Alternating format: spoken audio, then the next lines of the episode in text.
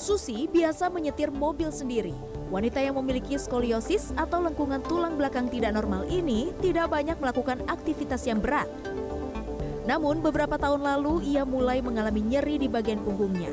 Awalnya tidak seberapa, tetapi lama-kelamaan bertambah hingga mengganggu kegiatannya sehari-hari. Pada 2020, Susi dinyatakan oleh dokter terkena gangguan syaraf terjepit. Rupanya kebiasaan duduk menyetir mobil dalam waktu lama berdampak pada syarafnya. Sampai saat ini, Susi masih melakukan fisioterapi untuk memperbaiki kesehatannya. Saran dokter juga saya harus lebih rajin latihan supaya terarah, nggak ngawur latihan sendiri, jadi mencari terapis yang sungguh tahu itu. Dengan aku feels like a jelly ya sesudah terapi, tapi rasanya sih lama-lama ada yang sakit mulai berkurang gitu, tapi masih perjuangan. Hal yang sama juga dialami oleh David. Gangguan syaraf terjepit yang ia alami dipicu cedera saat bermain bulu tangkis. Terlalu bersemangat melakukan smash, David melengkungkan punggungnya dan itu berdampak pada syaraf. David sudah berobat dan kini relatif sehat. Namun gangguan syaraf masih mengganggu beberapa aktivitas kesehariannya. Kalau perubahan sih kayaknya apa ya? Sekarang sih kalau nunduk udah nggak bisa tuh. Nunduk nggak bisa. Posisi saya kalau nunduk harus jongkok Terus kalau tiduran itu udah nggak bisa tidur normal, jadi harus di apa namanya disanggah sama bantal di belakang punggung. Kalau nggak gitu nggak bisa tidur sakit ya. Menurut dokter spesialis bedah syaraf Christian Aryono, kondisi syaraf bersifat degeneratif. Artinya, semakin bertambahnya usia seseorang, maka akan semakin rentan syaraf-syarafnya. Tetapi, gangguan syaraf juga bisa terjadi pada orang tua produktif seperti yang dialami oleh David. Selain faktor usia, gangguan syaraf terjepit bisa terjadi akibat trauma, seperti cedera akibat kecelakaan fisik, berat badan berlebih, kehamilan, kurang aktivitas fisik, hingga pola hidup kurang sehat seperti kebiasaan berokok. Syaraf terjepit disebabkan oleh adanya penonjolan bantalan antar ruas tulang belakang yang dalam dunia kedokteran dikenal sebagai hernia nukleus pulposus. Seseorang yang mengalami syaraf terjepit biasanya akan merasa tidak nyaman pada bagian pinggang atau leher.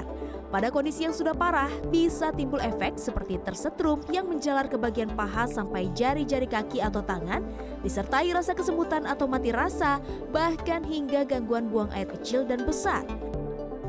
Gangguan syaraf bisa terjadi di area mana pun dalam tubuh, tapi paling sering terjadi di area tulang belakang atau area pinggang. Salah satu metode pengobatan yang bisa dilakukan penderita syaraf terjepit adalah fisioterapi, seperti yang dilakukan oleh Susi. Namun, sebelum memutuskan metode pengobatan, dokter Christian menyarankan pasien untuk berkonsultasi terlebih dahulu ke dokter. Sebab jika tidak ditangani dengan tepat, syaraf terjepit bisa berubah menjadi hal yang serius. Yang terburuk apabila tidak ditangani ya dengan cepat. Yang paling buruk adalah kelumpuhan Ya, tergantung dari level penjepitannya di mana. Apabila dia levelnya di tulang di pinggang bawah, paling jelek ada paling buruk adalah kelumpuhan kedua kaki. Yang mungkin bisa satu kaki, bisa mungkin dua kaki atau diperberat dengan yaitu tadi gangguan buang air kecil, kecil atau buang air besar. Jadi pasiennya tidak bisa kencing sama sekali atau malah kompol. Begitu juga dengan buang air besarnya. Dan lebih bahaya lagi kalau ternyata penjepitannya di leher. Kalau penjepitan di leher itu paling bahaya menyebabkan seluruh leher ke bawah itu lumpuh. Itu yang paling bahaya.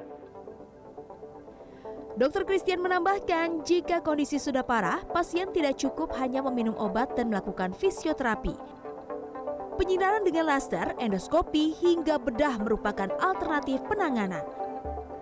Ternyata untuk menghindari penyakit syaraf kejepit ini, ada baiknya kita memperhatikan postur tubuh saat melakukan aktivitas sehari-hari. Nah, gimana sih maksudnya? Oke, untuk postur yang baik, kita ambil salah satu contoh ya, ketika ada benda jatuh di bawah.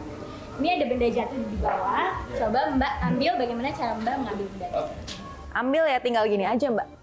Nah. Oke, cara tersebut salah. Kenapa saya bilang salah? Karena dengan posisi seperti ini, nanti beban akan tertuju pada pinggang yang nanti akan menyebabkan menyempitnya rongga saraf. Oh, jadi cara yang benar gimana dong, Mbak? Oke, saya beri contoh ya. Yeah. Ada benda jatuh, mm -hmm. kita ambil harus jongkok terlebih dahulu, kemudian ambil pinggang harus lurus, jangan condong ke depan ataupun ke belakang.